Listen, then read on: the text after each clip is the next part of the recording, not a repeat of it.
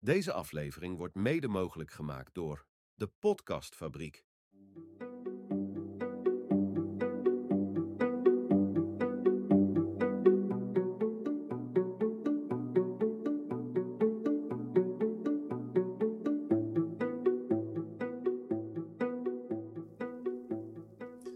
Welkom bij de Leven Podcast. Vandaag heb ik Huub, prachtig gast. Hij is Egyptoloog.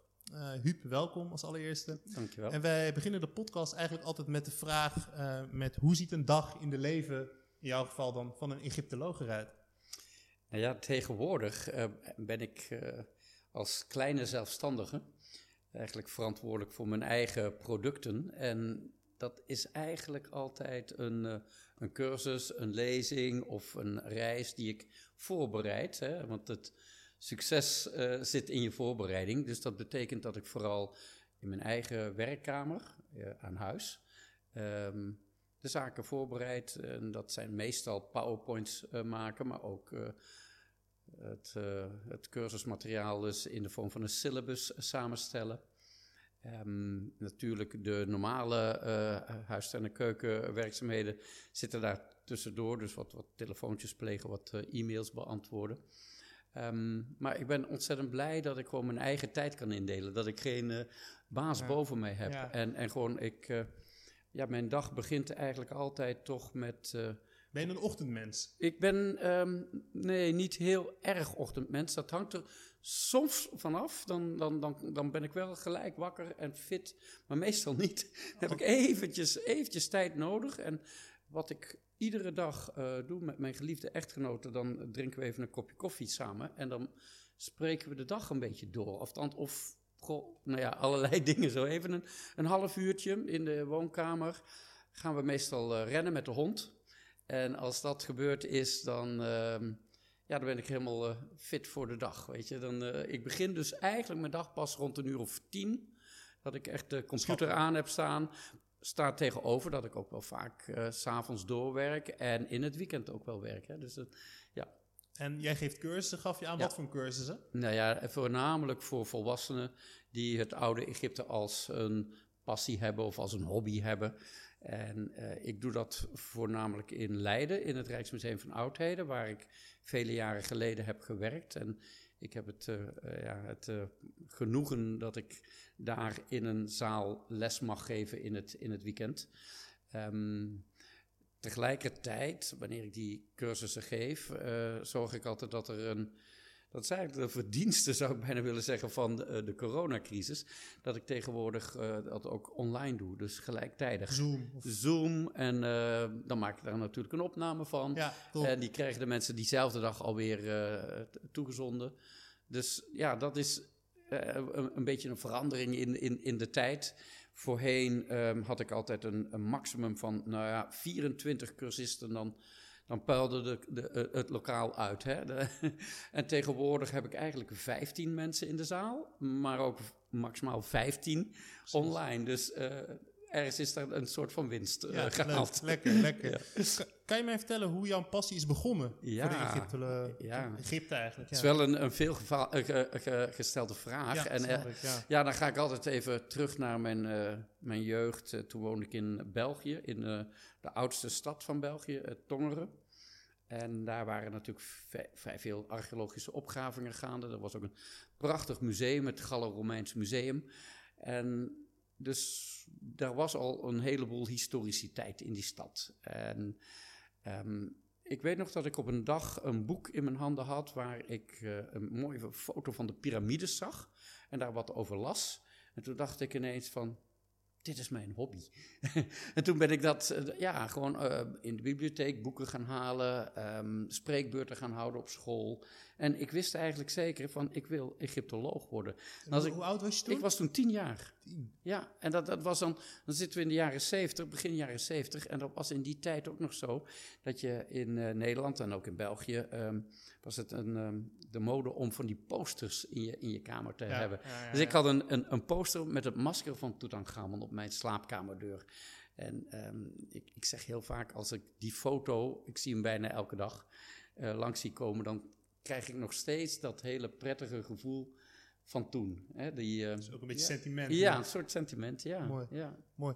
En uh, gaan we even een paar stappen overslaan, denk ik. Um, je hebt ook zelf echt in Egypte opgravingen gedaan. Je hebt meegeholpen aan, moet ik het goed zeggen, de Giza Mastaba project. Ja. Wat, wat kan je me daarover vertellen? Ja, nou, mastabas, dat zijn rechthoekige grafbouwwerken. Grote, opzichtige, uit kalksteen opgetrokken grafbouwwerken aan de voet van de nog grotere koningspyramides in Gizeh. En um, in Boston, Amerika, in het Museum of Fine Arts, uh, is ieder jaar een, wordt een team samengesteld om daar ter plekke in Egypte, um, met name de reliefs die je ziet aan de binnenkant van die graven, van die mastabas, om die zo goed mogelijk um, ja, over te trekken, als het ware. Althans, dat was de methode die tot ongeveer twintig jaar geleden uh, nog handmatig werd gedaan. Je zou zeggen, maak een goede foto, hè? Uh, maar daar zie je toch net niet genoeg detail op om te zien wat bijvoorbeeld beschadiging is of door mensenhand um, is uitgehakt. Ja.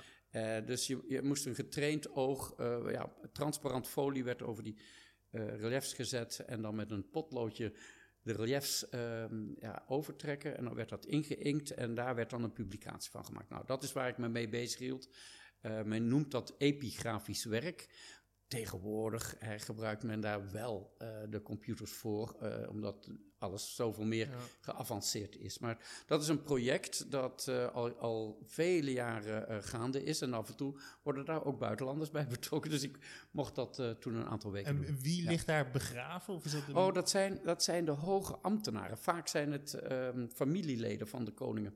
En dan hebben we het over dus die piramides uit de eerste grote bloeiperiode van het oude Egypte. Rond, laten we zeggen, 2500 voor Christus, dus zo'n 4.500 jaar geleden werden de piramides gebouwd, maar tegelijkertijd ook die enorme, ja, ik noem het een soort van schoenendozen van steen, want daar lijken ze op. Zo'n van die rechthoekige grote bouwwerken, wel, wel zes meter hoog, um, waar eigenlijk um, één kleine ruimte werd uitgespaard voor de nabestaanden, die daar dan dagelijks naartoe zouden gaan om offers te geven, terwijl de eigenlijke grafkamer diep onder de grond gelegen was, waar weinig decoratie te vinden is. Er is eigenlijk wel een sarcofaag, een grote kist te vinden. Maar uh, de oude Egyptenaren geloofden heel sterk dat de ziel van de overledene door, dwars door muren heen zou kunnen, door een schijndeur ook die ruimte binnen zou kunnen wandelen. Oké. Okay. En dat is dan via Boston gegaan? Wat, daar werkte je dan? Nou, ik had daar een stage gelopen um, aan het eind van mijn studie. Uh, eigenlijk in het kader van museologie, omdat ik uh, ook wist van ik wil heel graag in een museum uh, gaan werken. En nou ja, zodoende zijn natuurlijk die contacten gelegd ook met de archeologen van dat museum. En die zeiden, nou, uh, ga met ons mee en een aantal weken dat werk doen. Zo, zo is het gegaan. En is Egypte daar moeilijk in om buitenlanders daar te laten werken? Nou, dat is een hele goede vraag. Dat is steeds moeilijker. Maar in die tijd, hè, in de jaren negentig, was dat niet zo. Toen was men heel blij met um, ja, de komst van vele buitenlandse teams. Uh, niet alleen de expertise, maar vooral ook het geld. Uh, maar daar is toch heel veel verandering in, uh, in gekomen. Egypte is inmiddels eigenlijk geen derde wereldland meer, is rijk genoeg en heeft ook heel hoogopgeleide wetenschappers. Dus zij doen nu heel veel dingen zelf. En um, er is een duidelijke tendens waarneembaar dat ja, buitenlandse teams toch zoveel mogelijk geweerd worden. Dat wil zeggen, geen nieuwe teams worden meer aangenomen. Dat, waar men al een soort van uh, decennia lange traditie heeft, uh, moet men echt vaak op eieren lopen. Minst of geringste foutje wat en gemaakt is dat wordt. ontstaan een beetje rond die tijd van die revolutie? Want er is 10, Ja. 15 jaar geleden is daar ongeveer, ja, Facebook-revolutie heet dat Mhm, volgens mij. mhm. Heeft daar toen plaatsgevonden? Heeft dat een beetje, is dat een beetje in dezelfde tijdsbestek gegaan? Of?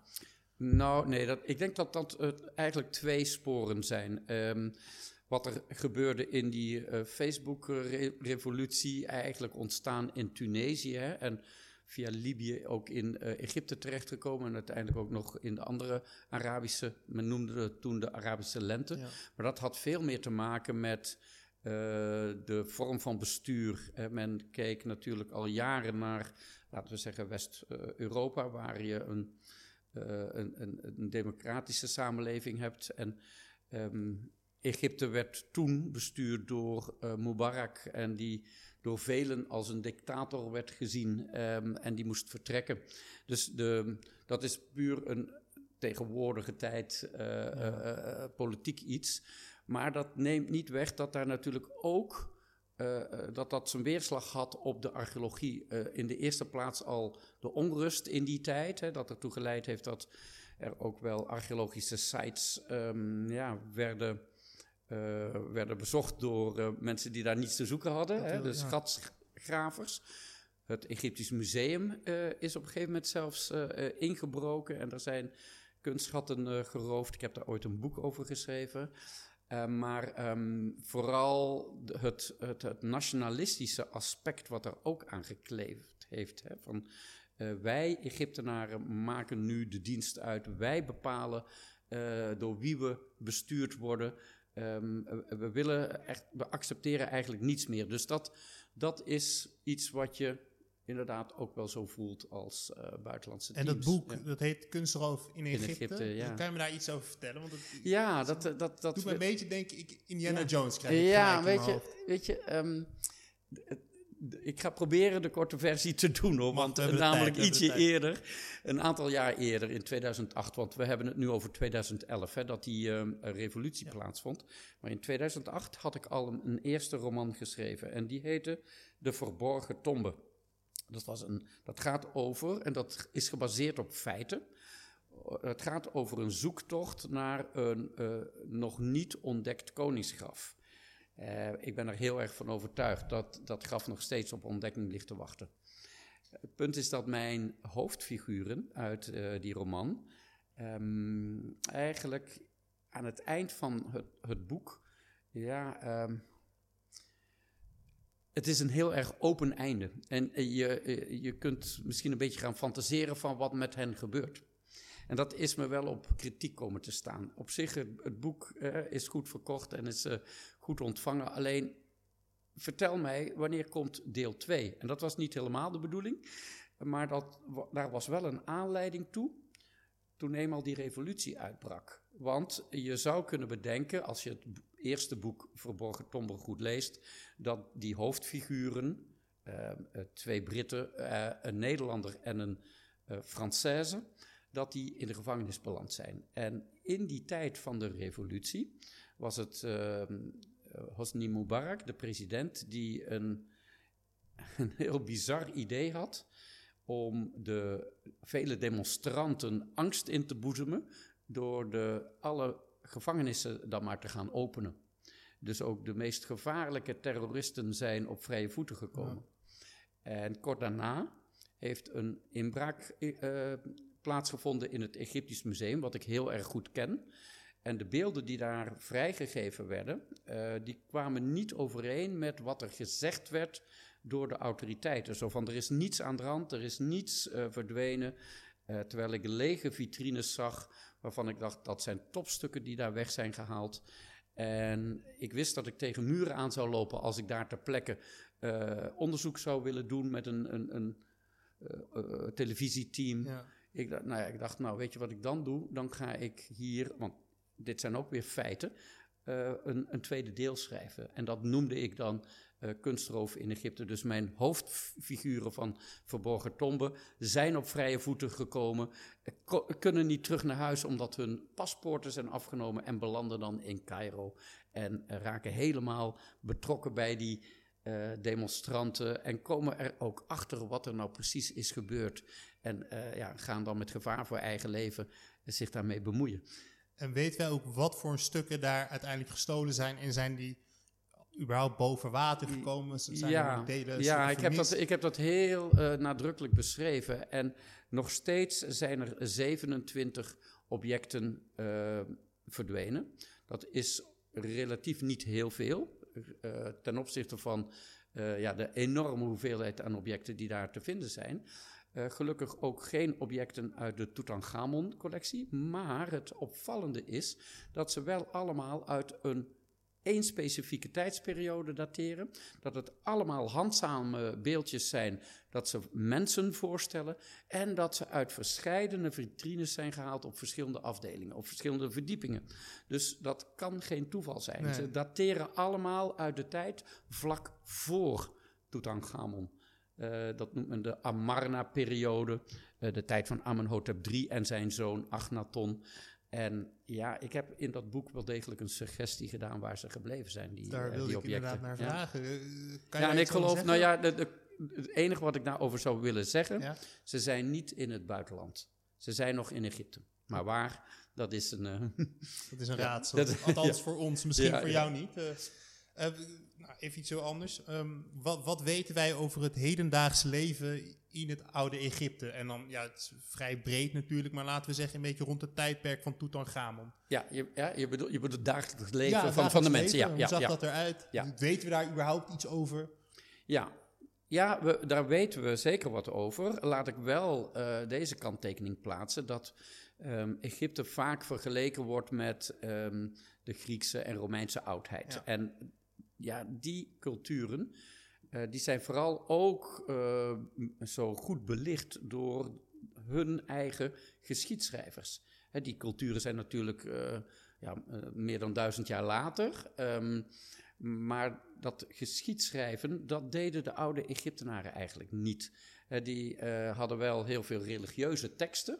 Maar hoe nou ja, de samenleving, hoe de mensen met elkaar omgingen, weten we wel iets over. Hè, omdat er een dorp is geweest waar alle arbeiders tezamen leefden die aan de graven hebben gewerkt van de farao's. Eh, dat dorpje wordt tegenwoordig aangeduid met Der El Medina.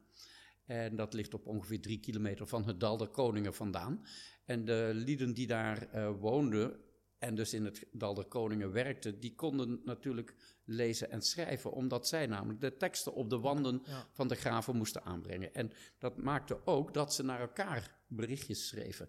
Korte kattenbelletjes, eh, soms een afspraak of iets dergelijks. Maar ja, daar is over die tijdsperiode en over dat ene dorp wel wat meer bekend. Maar laten we zeggen, dat waren hoogopgeleide eh, kunstenaars allemaal, hè? allemaal ambachtslieden. Ja. Ja. En eh, de bouw van zo'n piramide, Ja. wat ik me dan afvraag, dat werd volgens mij vaak gedaan door slaven. Hmm. Ehm, klopt het dat die uiteindelijk ook, eh, dat die locatie ook geheim moest blijven vaak? Nee, nee dat, eh, sowieso zeg je net, hè, dat werd gedaan door slaven. En dat is een heel veel gehoord iets. Ja. Maar ehm, het is echt wel aangetoond dat het geen slaven waren die die piramides hebben eh, gebouwd. Dat wil niet zeggen dat er nooit dwangarbeid Tuurlijk. is geweest of eh, eh, mensen die ehm, eh, gedwongen dus monumenten hebben moeten bouwen. Maar de oude Rijkspyramides, waar we het net al even over hadden, uit, uit Gizeh bijvoorbeeld, daarvan weten we zeker dat dat door Egyptenaren zelf is gedaan, die daarvoor betaald werden. We weten ook waar ze woonden. We weten ook dat ze eh, nog redelijk mooie graven kregen, ook al waren het s- eh, steenarbeiders, hè, gewoon, eh, mannen die die grote blokken eh, moesten opstapelen. En we weten ook dat ze verzorgd werden, niet alleen dat ze voedsel kregen en zo, maar ook als men een arm brak, dan werd die arm gespalkt. Dat hebben we kunnen eh, aantonen aan de hand van de mummies die ge- teruggevonden zijn. En dat doe je niet met een slaaf, die dank je gewoon Ja. af als een arm breekt, dan is die weg. Dus ehm, ja, dat idee van slaven eh, is natuurlijk iets wat in heel veel geschiedenisboekjes nog steeds zo staat. Precies. Ja. Oké, en eh, in die graftombes, de, daar li- liggen dan farao's. Ja. Wat was de rol van een farao? Als in, dat is een bestuurder, dat snap ik. Maar hoe uitte zich dat? Wat deed hij op een dagelijkse basis? Weten we dat een beetje? Het rijlen en zeilen? Ja, nou ja, dit, de, de, de farao, dat weten we wel heel goed. Ehm, omdat er zoveel religieuze teksten zijn. Hè, er, er werd gezien als een god op aarde. Nou ja, dan kun je je voorstellen als iemand als een god op aarde wordt eh, gezien. Dus echt een enorme hoge andere status dan het gewone volk. Dat men bereid is om voor zo iemand alles te doen. Eh, dat maakt ook dat het huis voor de eeuwigheid, want dat zijn die piramides, dat is eh, waar de mummie van de farao eh, bijgezet zal gaan worden. Dat moet natuurlijk ook iets zijn waar zijn grootheid uitspreekt. Hè? Dus de, de ontzagwekkende bouwwerken waar men jaren over gedaan heeft en men ook de tijd voor had om het te doen, de middelen voor had. Dus het is niet zo dat dat nog altijd een vraagstuk is van hoe kan dat? Dat, dat, dat is makkelijk te berekenen en dat is te doen. Um, alleen hoe men exact die piramides uh, in elkaar gestoken heeft, ja, dat hebben de Egyptenaren ons niet overgeleverd. Dus daar zijn wel um, verschillende interpretaties van. Maar het is mogelijk, het is gewoon mogelijk. Ook en met... werd je als farao geboren? Was dat iets erfelijks? Ja. Dus waren jouw ouders farao, ja. een beetje zoals het koningshuis? Ja, ja. ja, we noemen dat een dynastie. En um, ja, die dynastieën die, uh, die eindigen soms met het feit dat er geen troonopvolger is eh, geen kind geboren. En dan kan het zijn dat de volgende dynastie bijvoorbeeld gesticht wordt door een generaal van een, uh, van een farao. Of door een hoge priester uh, die zegt van nou ben ik de baas. En zo zijn er dertig dynastieën um, te, te, onderscheiden in het oude Egypte. Waarvan er een paar bestuurd zijn door buitenlanders. Hè, die Egypte ineens binnenkwamen. Maar in principe werd je inderdaad farao als oudste zoon van de koning. Ja. Precies. En wat voor uh, dynastieën van buitenaf zijn er dan ook die we, die we kunnen herleiden? Gelukkig zijn dat er eigenlijk maar heel weinig geweest. Maar er is een eerste uh, sprake van buitenlandse overheersing in wat we dan um, ja, de tweede tussenperiode noemen. Um, ik sprak over verschillende hoogtijdagen. Nou, na het, de, uh, de, de tweede bloeiperiode, het middenrijk.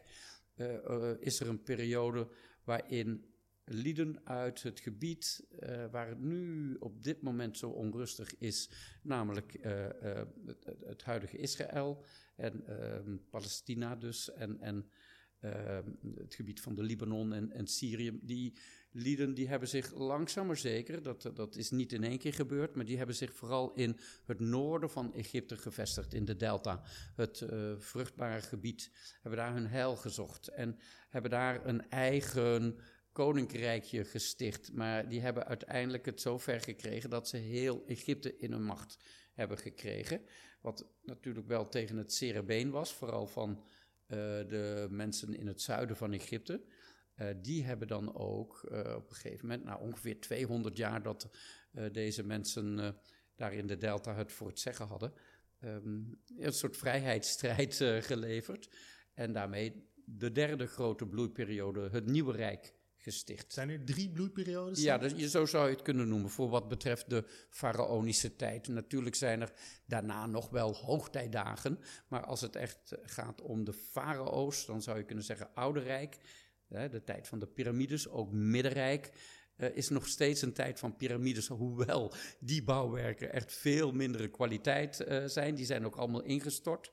die hebben de tandestijd veel minder, minder uh, goed doorstaan. We weten hoe dat komt, dat daar zo ja, dat weten we wel. Ja, men dacht met wat makkelijkere bouwtechnieken uh, hetzelfde effect te kunnen uh, bereiken. Maar dat is natuurlijk een, een misser geweest. Men heeft namelijk die piramides uit het Middenrijk uh, vooral met tichelsteen opgevuld. En dat zijn gewoon in de zon gedroogde kleiblokken.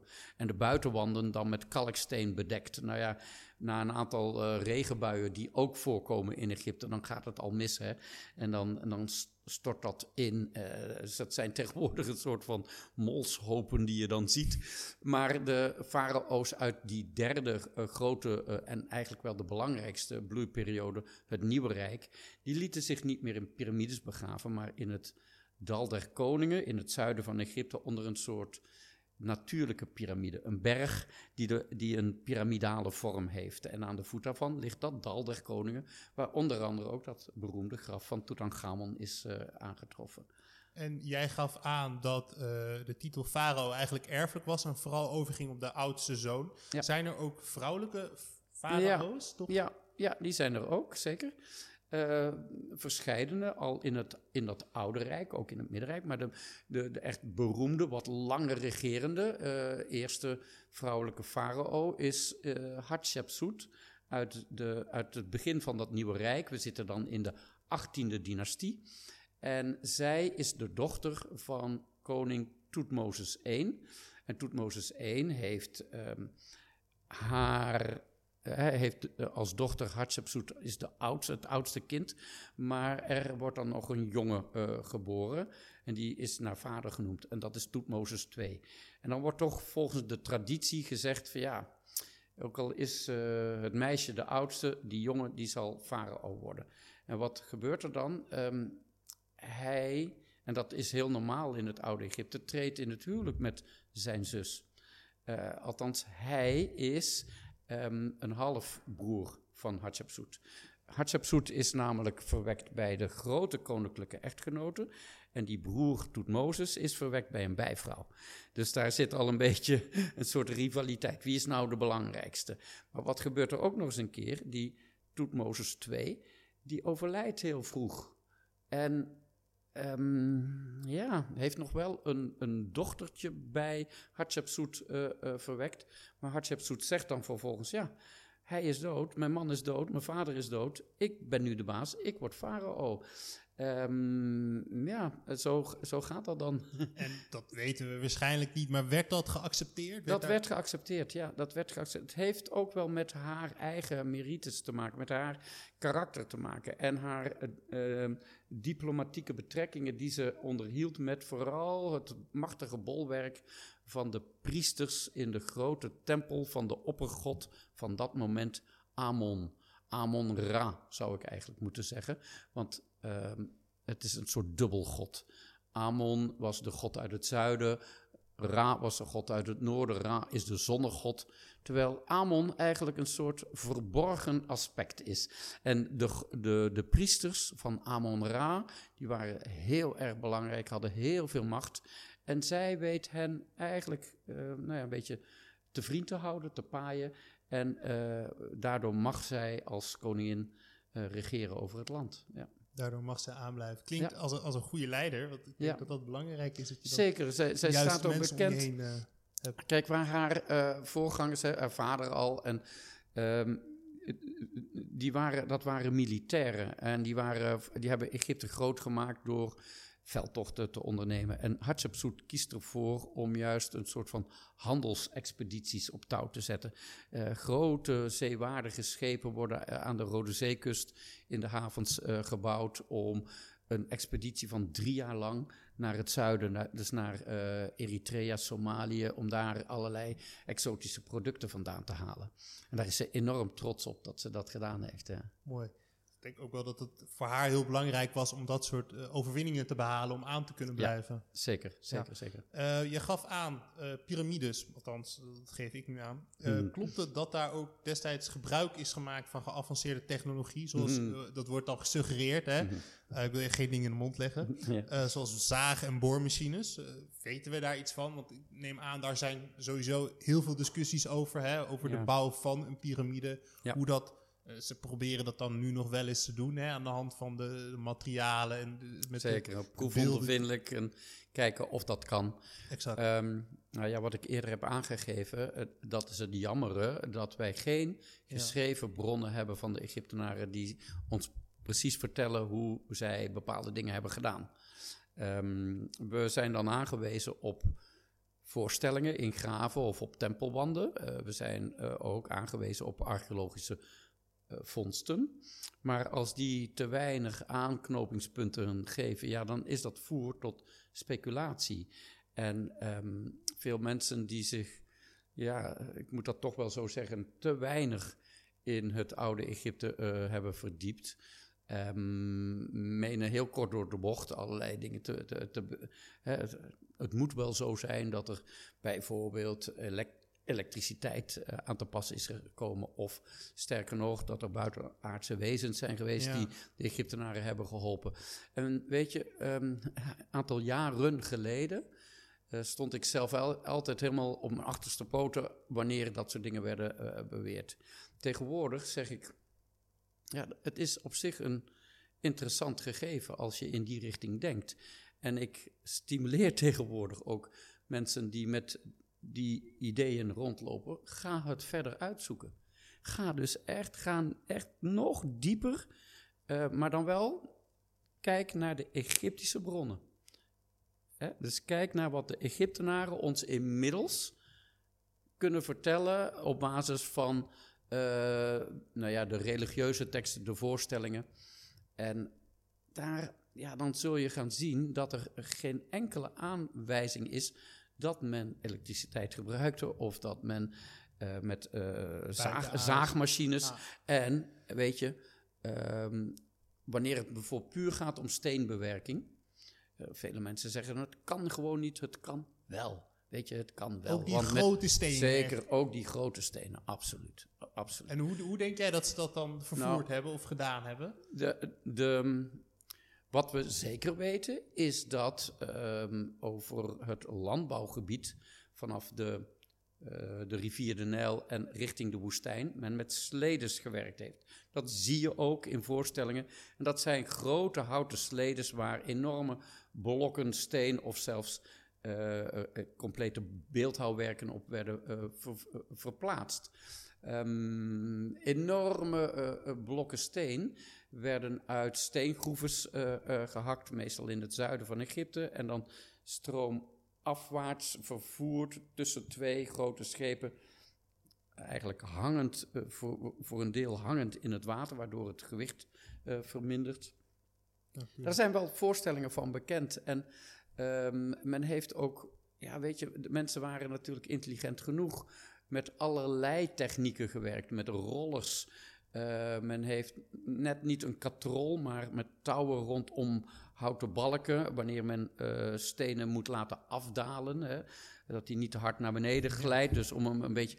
Uh, en ja, er is ook voor wat betreft het opstapelen van stenen. Er is een Nederlander, uh, Bernard Mullers, uh, die met een, uh, ja, een, een, vrij nieuwe theorie is gekomen, die zeker hout snijdt. Namelijk dat er gewerkt is met een soort kantelmechanisme. Een, hij noemt het een kantellifkooi, waar een blok steen eigenlijk ingeklemd zit tussen twee uh, lange palen die uh, bovenaan tegen elkaar aankomen. Ah, ja, ja. En dan onder de steen zitten, om het maar even heel simpel uit te drukken, twee ronde balken.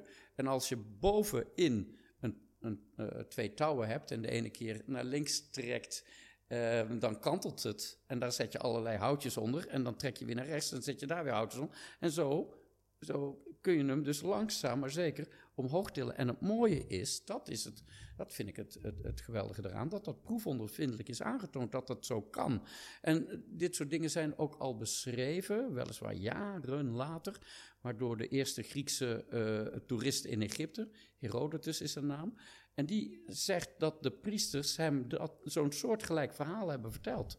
Dus het, het is mogelijk, weet je. Uh, je hoeft maar even op YouTube te zoeken of hè, uh, op, op uh, hoe je met mensenhand zonder uh, machines enorme blokken steen zou kunnen verplaatsen.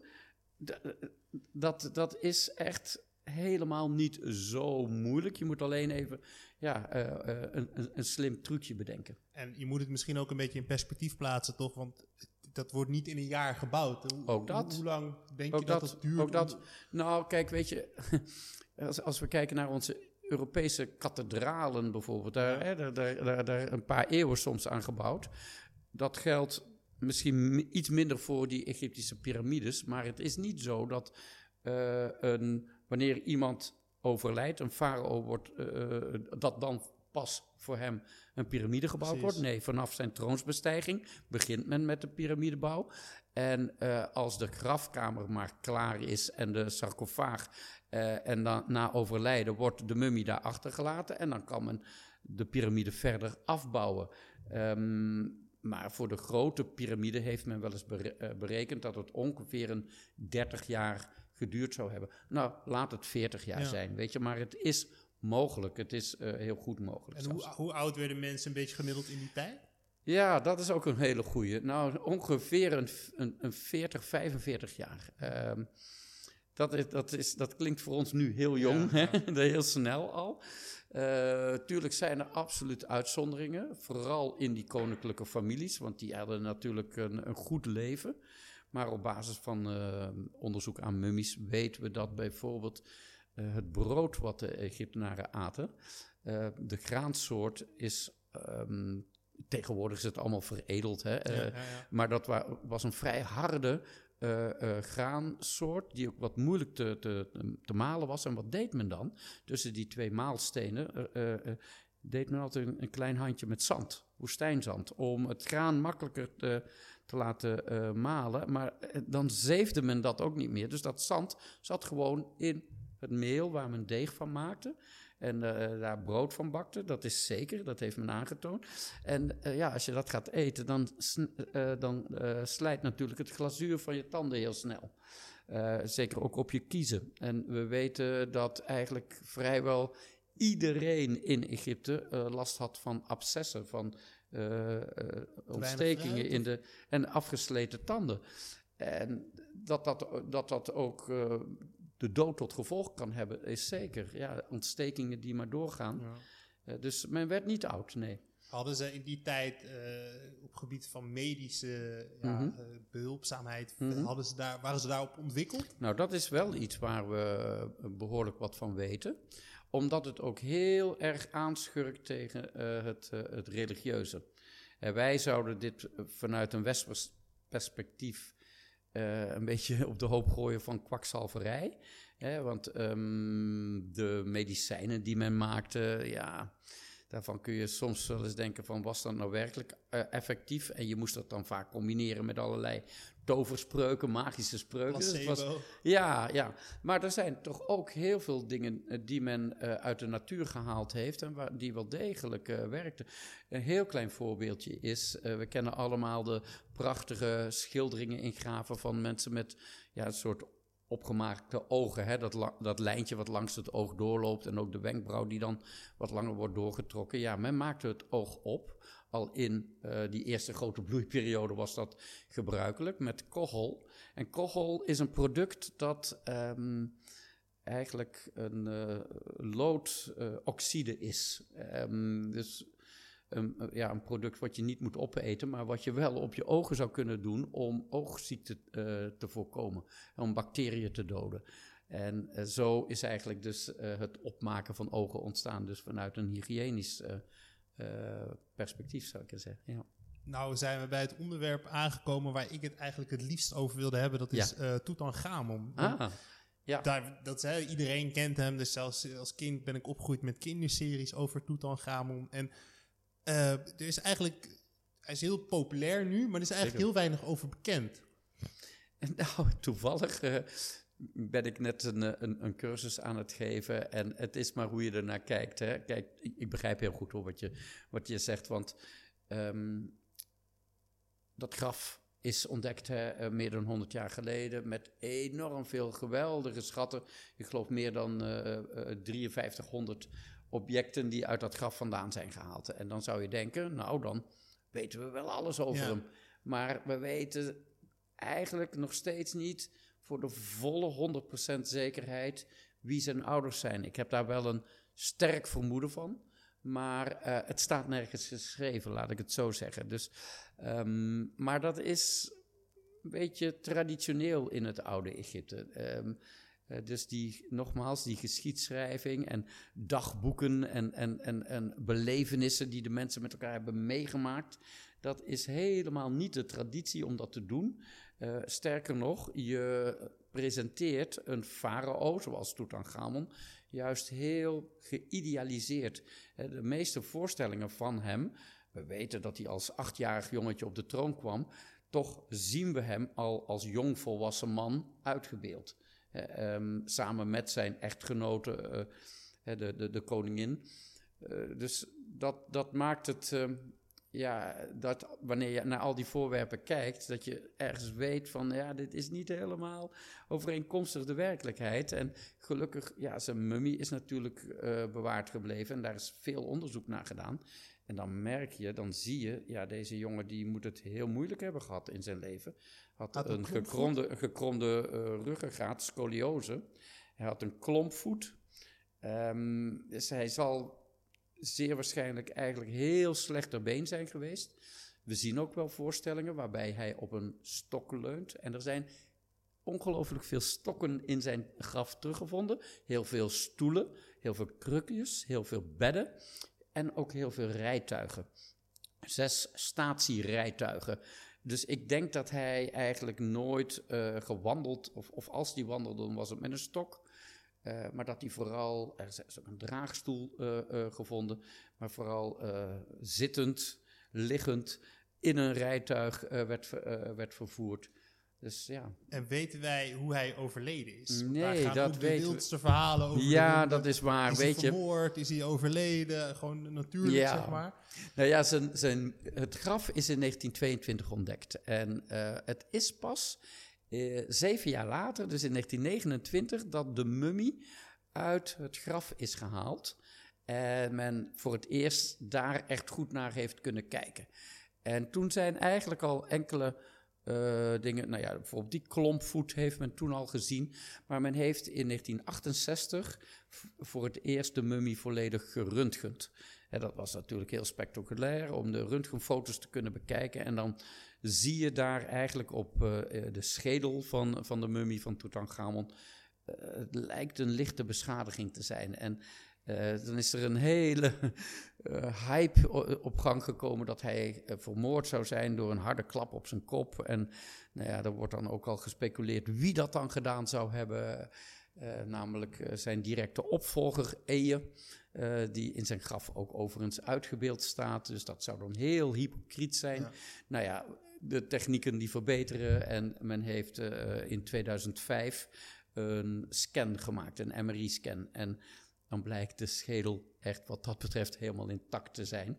Dus de, die theorie van uh, de klap op de kop, die kan in de prullenmand.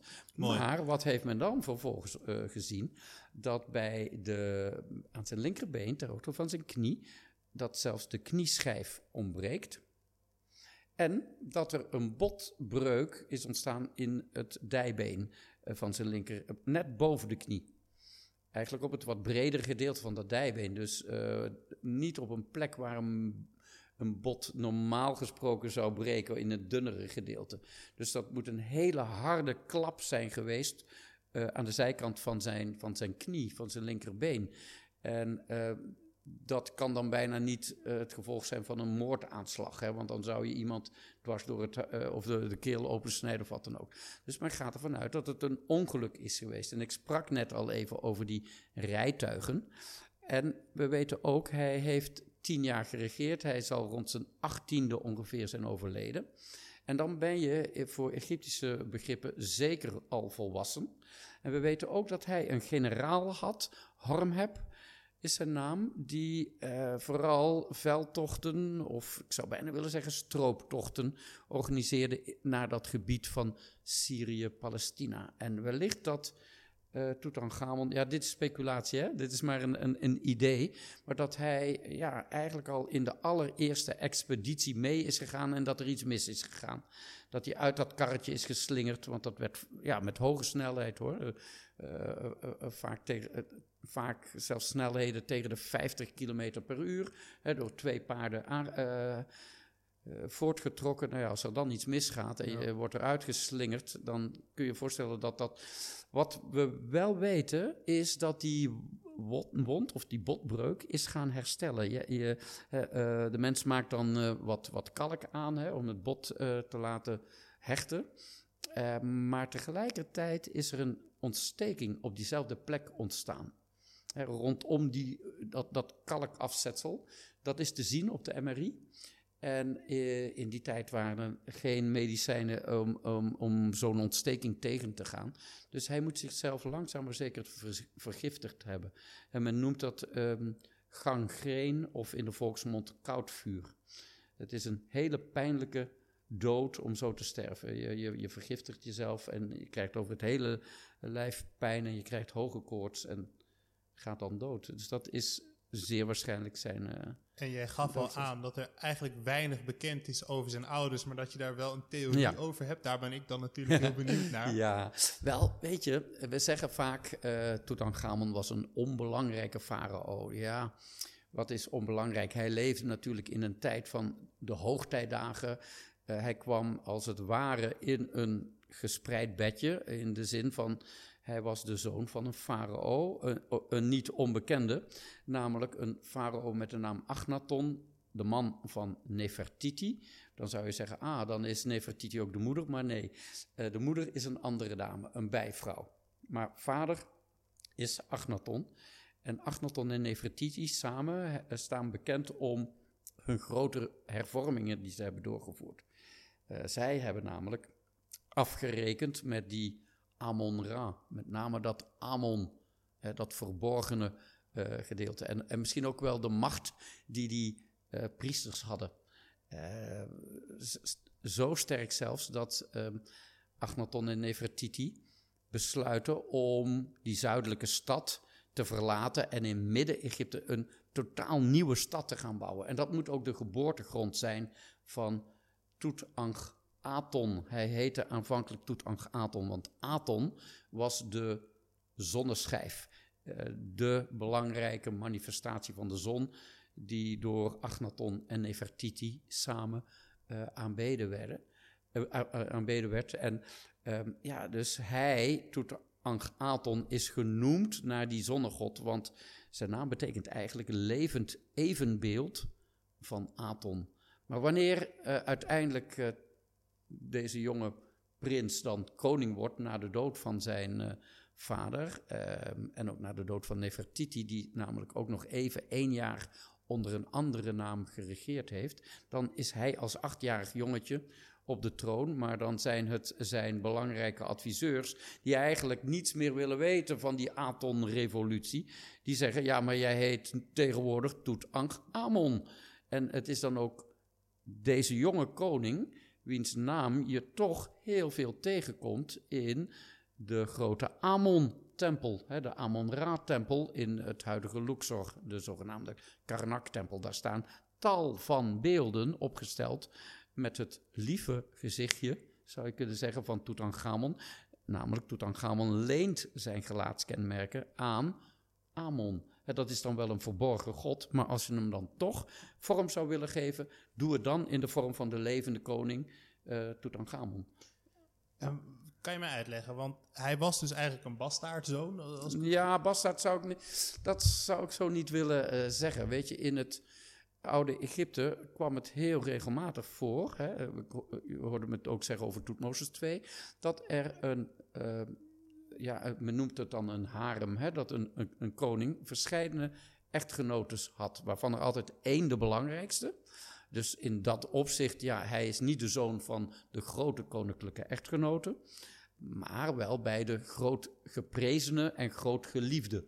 Dus die dame, ze heet Kia, is uh, toch niet onbe onbelangrijk. En nu ga ik je iets vertellen wat ik, waar ik ook over geschreven heb in mijn boek Egypte ontraadseld. Een heleboel dingen overigens die we nu bespreken vanavond staan, staan in dat boek. Maar um, ik um, heb het volgende eigenlijk uh, ontdekt. De mummie van Tutankhamon is niet alleen gescand, maar vijf jaar later in 2010 is er ook voor het eerst DNA-onderzoek gedaan. En niet alleen aan zijn mummie uiteraard, want ja, je wil het vergelijken met anderen, maar ook aan uh, mummies uh, waarvan we eigenlijk niet precies de naam weten, anoniem gebleven mummies, maar waarvan men toch uh, het hele sterke vermoeden heeft, ja, die zijn allemaal uit diezelfde tijdsperiode. Eigenlijk zijn de ouders van Tutankhamon geïdentificeerd. De man en de vrouw, hè, vader en moeder. Alleen is de discussie nu, wie zijn dat? Wie zijn dat? Uh, de man is een mummie die in het Dal der Koningen ook is aangetroffen in een graf dat KV55 heet. Oké, dus dan spreekt men over man KV55. De moederfiguur is een, uh, een mummie die um, eigenlijk in de Egyptologie bekend staat als Young Lady KV 35. Uh, dat is een soort code, zou je kunnen zeggen. Maar op basis van verscheidene argumenten uh, die ik in mijn boek dan uh, beschrijf, ja, weet ik eigenlijk wel zeker dat eh, KV55 man, dat dat Agnaton is. En dat Young Lady KV35, dat dat de dame Kia is. Maar nou komt het. Wat blijkt? Dat die man en die vrouw ook nog een keer een volle broer en zus van elkaar zijn. Dat is natuurlijk heel apart. Absoluut. En dan krijg je ineens, ja, maar wacht even. Eh, we kennen namelijk drie zussen van Agnaton. Dat zijn de dochters van Amenhotep III en Thea. En die hebben hele andere namen. En de oudste, de oudste eh, dochter van Amenhotep III, die heette Saat Amon. Dat betekent dochter van Amon. Maar je kunt aanvoelen als Agnaton, die overigens voorheen ook een andere naam had waar het woordje Amon in zat. Amenhotep, die wilde niks meer met Amon te, maken hebben. Dus die verandert zijn naam naar Agnaton. En die zegt tegen zijn zus, ja, als je mee wil in de verhuizing, prima, maar die naam, dat kan niet meer. Dus jij heet Kia. En Kia betekent de andere. Dus naast Nefertiti, met wie hij al gehuwd was, neemt deze Satamon schuine streep Kia een belangrijke rol in. En Nefertiti heeft zes dochters gebaard. Allen van Agnaton. Maar wat Agnaton heel graag wilde, was een levend evenbeeld van de Aton. En dat is een mannelijk woord. Dus hij wilde een mannelijke opvolger hebben. En die heeft Kia hem geboden. Want, en dat is het ook nog meer bizar. Kia is bij, in het kraambed overleden. Daar in die nieuw gestichte stad. Dus uh, Toetanchamon, Toetanchamon heeft zijn moeder nooit gekend. Dat was dus inderdaad ook mijn vervolgvraag. Daar heb je een heel mooi antwoord op gegeven. Want ik vroeg mij af, uh, Nefertiti is dus eigenlijk de hoofdvrouw. Ja. Uh, hoezo is dat kind dan niet op de troon gekomen? Maar dat heeft dus te maken met het feit dat het geen zoon was, maar zes dochters. Zo is het. En het uh, bijzondere is ook, dat is echt een, een, een feit. Hè? Daar, daar, is uh, niemand uh, die daarover twijfelt. Ehm, want dat lezen we overal. die derde dochter van Agnaton en Nefertiti wordt dan de echtgenote van Toetanchamon. Dus een halfbroer, half zus. Ja, dit soort huwelijken komen echt heel veel voor in het oude Egypte. Verklaart dat ook zijn medische gesteldheid? Ja, ja dat is een heel vaak ja. een, een, een, een terechte uh, opmerking. Zeker. Het zou zomaar kunnen dat door inteelt uh, hij um, ja, deze afwijkingen heeft. En heel apart is ook dat je kunt zien dat um, de schedels in, in de voorstellingen, hè, de schedels van die zes dochters, dat zijn allemaal langgerekte achterhoofden. Er zijn beelden bekend van Nefertiti zelf, die ook een langgerekt achterhoofd heeft. Uh, ja, normaal heeft ze altijd die blauwe kroon op, maar in Berlijn, in het Neues Museum, zien we ook een beeld waar ze die kroon niet draagt. En dan zie je echt ook, net als haar dochters, langgerekt achterhoofd. En dat dat ook te zien is bij... Um, bij, bij uh, Tutankhamon en ook wel bij, uh, bij Agnaton. Dus er is duidelijk iets in die familie, uh, met, met, ja, men noemt het ook wel doligocefalie, dus uh, smalle gezichten en wat langere achterhoofden. Een beetje zoals een alien wordt ook wel Bijna, eens, ja, ja, je zou, hè? ja, ja, nou ja, ik wil daar misschien Die nog... kant wil ik niet op hoor. Als Nee, nee, eh, nee, nee, zeker. Ik wil, ik wil daar misschien nog even één dingetje over zeggen, omdat ik daar ook best veel, veel onderzoek naar gedaan heb. Um, Nefertiti, hè, de, de, de echtgenote van Agnaton, en dus schoonmoeder, stiefmoeder, zou je bijna kunnen zeggen, van, van, van Tutankhamon, want uh, ja, zij hebben elkaar natuurlijk goed gekend. Maar Nefertiti, haar naam betekent de mooie is gekomen. En daar, dat, dat wijst erop dat zij uit het buitenland afkomstig is.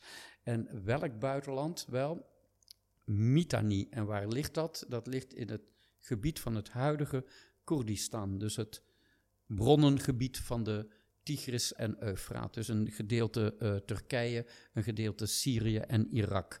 Uh, dat gebied uh, werd destijds Mitanni genoemd. En het is een feit dat er heel veel diplomatieke betrekkingen werden onderhouden. En Nefertiti is in mijn optiek um, een dochter van de koning van Mitanni. En zij werd eh, naar Egypte, juist, uitgehuwelijkt. Ehm, en ehm, eigenlijk al op jonge leeftijd naar Egypte gestuurd. En weten wij ook waar zij begraven ligt? Nou, hele goede vraag. Dat weten Dankjewel, we niet. dankjewel. nee, dat weten we niet. Want van al die andere hoofdrolspelers uit dit verhaal weten we eh, wel. Hè? Althans, we hebben die mummies. En, maar Nefertiti is de grote ontbrekende. En ehm, ik moet je ver- vertellen, er is een, eh, een, een, een collega, eh, Egyptoloog, waar ik mee bevriend ben. eh, dat is Nicholas Reeves, een, Britse eh, wetenschapper die echt een absolute kenner is op het vlak van Dal der Koningen, maar ook deze tijdsperiode, hè, die we vaak aanduiden als Amarna-periode, omdat dat genoemd is naar die nieuw gestichte stad, hè, die we tegenwoordig Amarna noemen. Eh, dus die tijd van nou ja, Achnaton en ook Tutankhamon, dat is eigenlijk post-Amarna, maar goed, daar weet hij heel veel van. En hij eh, publiceerde in 2015 een, eh, een artikel dat, ehm, ja, waar, waar geschreven staat... Nefertiti ligt begraven in het graf van Tutankhamon. En toen dacht ik, ik die titel zag, toen dacht ik... ja, er- hier is weer iemand met een of andere prachtige eh, fantasietheorie...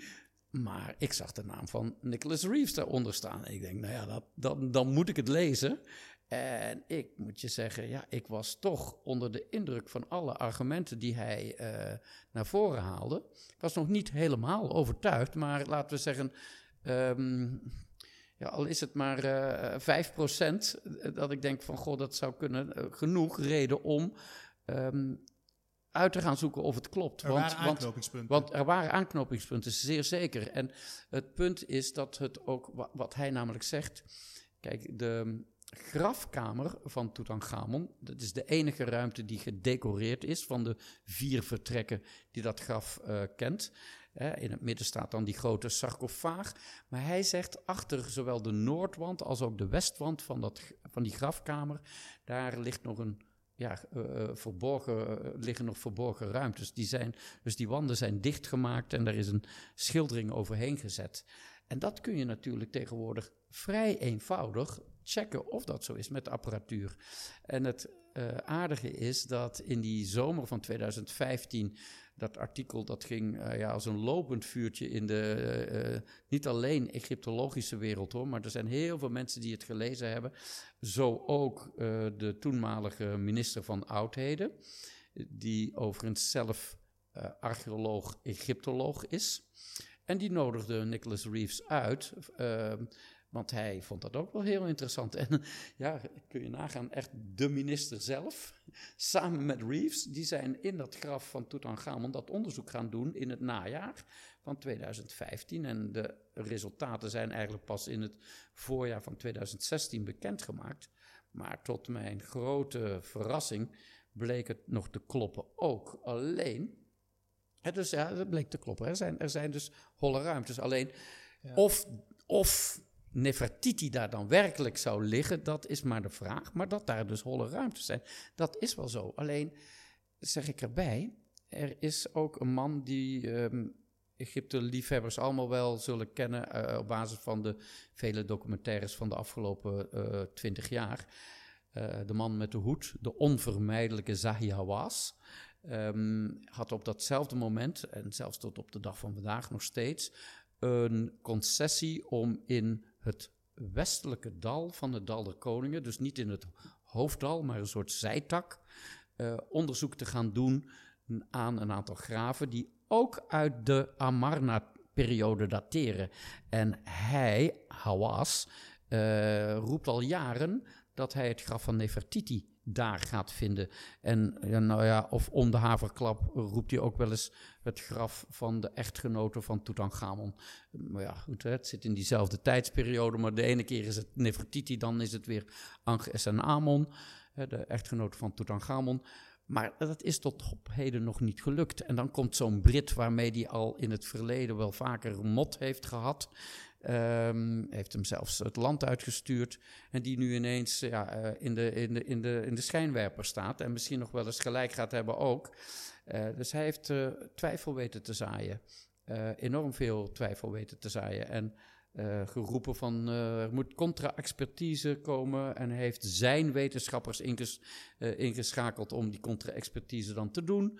Nou ja, conclusie, er zit niks, er is niks. eh ehm, was allemaal fake news en eh, we gaan weer door. Hmm. Maar ondertussen is er zoveel bewijs dat Reeves gelijk heeft. En ehm, in de ruimte. het, laatste, het laatste is er dus nog niet over. Het laatste woord is er nog niet over. maar gelijk heeft dat daar een ruimte zit. Ja, dat En een, ja, precies. Niet, kijk, ik heb met hem eh, natuurlijk gecorrespondeerd over eh Nefertiti. Weet je, als dat al zo zou zijn, dat het. Ik, ik sluit het niet uit hoor. Maar als het zo is, moeten we niet denken. En dat geeft Reeves ook onmiddellijk toe hoor. Dat dat dan een soort tweede Tutankhamon-vondst zal zijn. Want het is ook zeker, en ook Reeves heeft dat eh, zelf ook aangetoond, dat een heel groot deel van de grafinventaris van Tutankhamon hergebruikt materiaal is van Nefertiti zelf. Ja, dus dat van haar graf eh, eh, voorwerpen zijn gebruikt, zijn omgewerkt. Eh, ehm, laten we zeggen, toch, toch, toch zeker. ehm, nou ja, ik denk zeker 20% van de voorwerpen die in dat graf zijn te- teruggevonden, die hebben ooit tot Nefertiti behoord. De rest is natuurlijk van hemzelf geweest. Maar ja, dus als zij haar stoffelijke resten daar zouden liggen, dan zal dat niet met heel veel goud en zilver zijn. En de reden dat daar zoveel eh, nou ja, schatten, dus drie- 5300 eh, Ja. schatten zijn Ja. gevonden in het graf van Tutankhamon, heeft dat ook deels te maken met zijn, of deels te maken met zijn gezondheid. Dus dat hij bijvoorbeeld ook in het hiernamaals die karren en die stokken nodig had. Ja, ik denk dat het in dit geval zo is. Want ja, het is natuurlijk het enige ehm, koningsgraf uit het Nieuwe Rijk dat ongeschonden is aangetroffen door archeologen. Het is maar een klein graf hoor. Dus hoe moet dat wel niet zijn met al die andere farao's die veel langer hebben geregeerd? Eh, en hebben ze dan eenzelfde soort ja, eh, voorwerpen meegekregen? Dat zou zomaar kunnen. Want het lijkt erop dat werkelijk alles, maar dan ook alles wat Tutankhamon bezat, aan hem is meegegeven. Dus al zijn privéspullen, eh, zelfs zijn speelgoed waar hij mee gespeeld heeft, eh, is meegegaan in dat graf. Dus het hele paleis, inventaris zou je kunnen zeggen, is en, en ja, in een veel te klein grafje. Dus wat gebeurt er dan?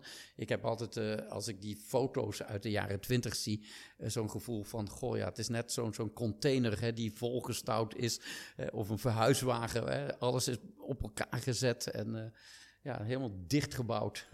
ja. Dan wil ik het eigenlijk nog over één persoon hebben, Ja. of eigenlijk anderhalf, eh, Mhm. Cleopatra. Oh ja, ook Ja. een grootheid natuurlijk. Exact. En die was, voor zover ik weet, getrouwd met een Romeins keizer, Marcus eh, eh, Antonius. Keizer- ja, hij was nog geen keizer. Ehm, nee, eh, Marcus Antonius was inderdaad één van haar geliefden, want zij had ook daarvoor al een relatie aangeknoopt met een andere belangrijke Romein, namelijk Ju- Julius Caesar. Eh, Marcus Antonius was overigens een, eh, de rechterhand van Julius Caesar.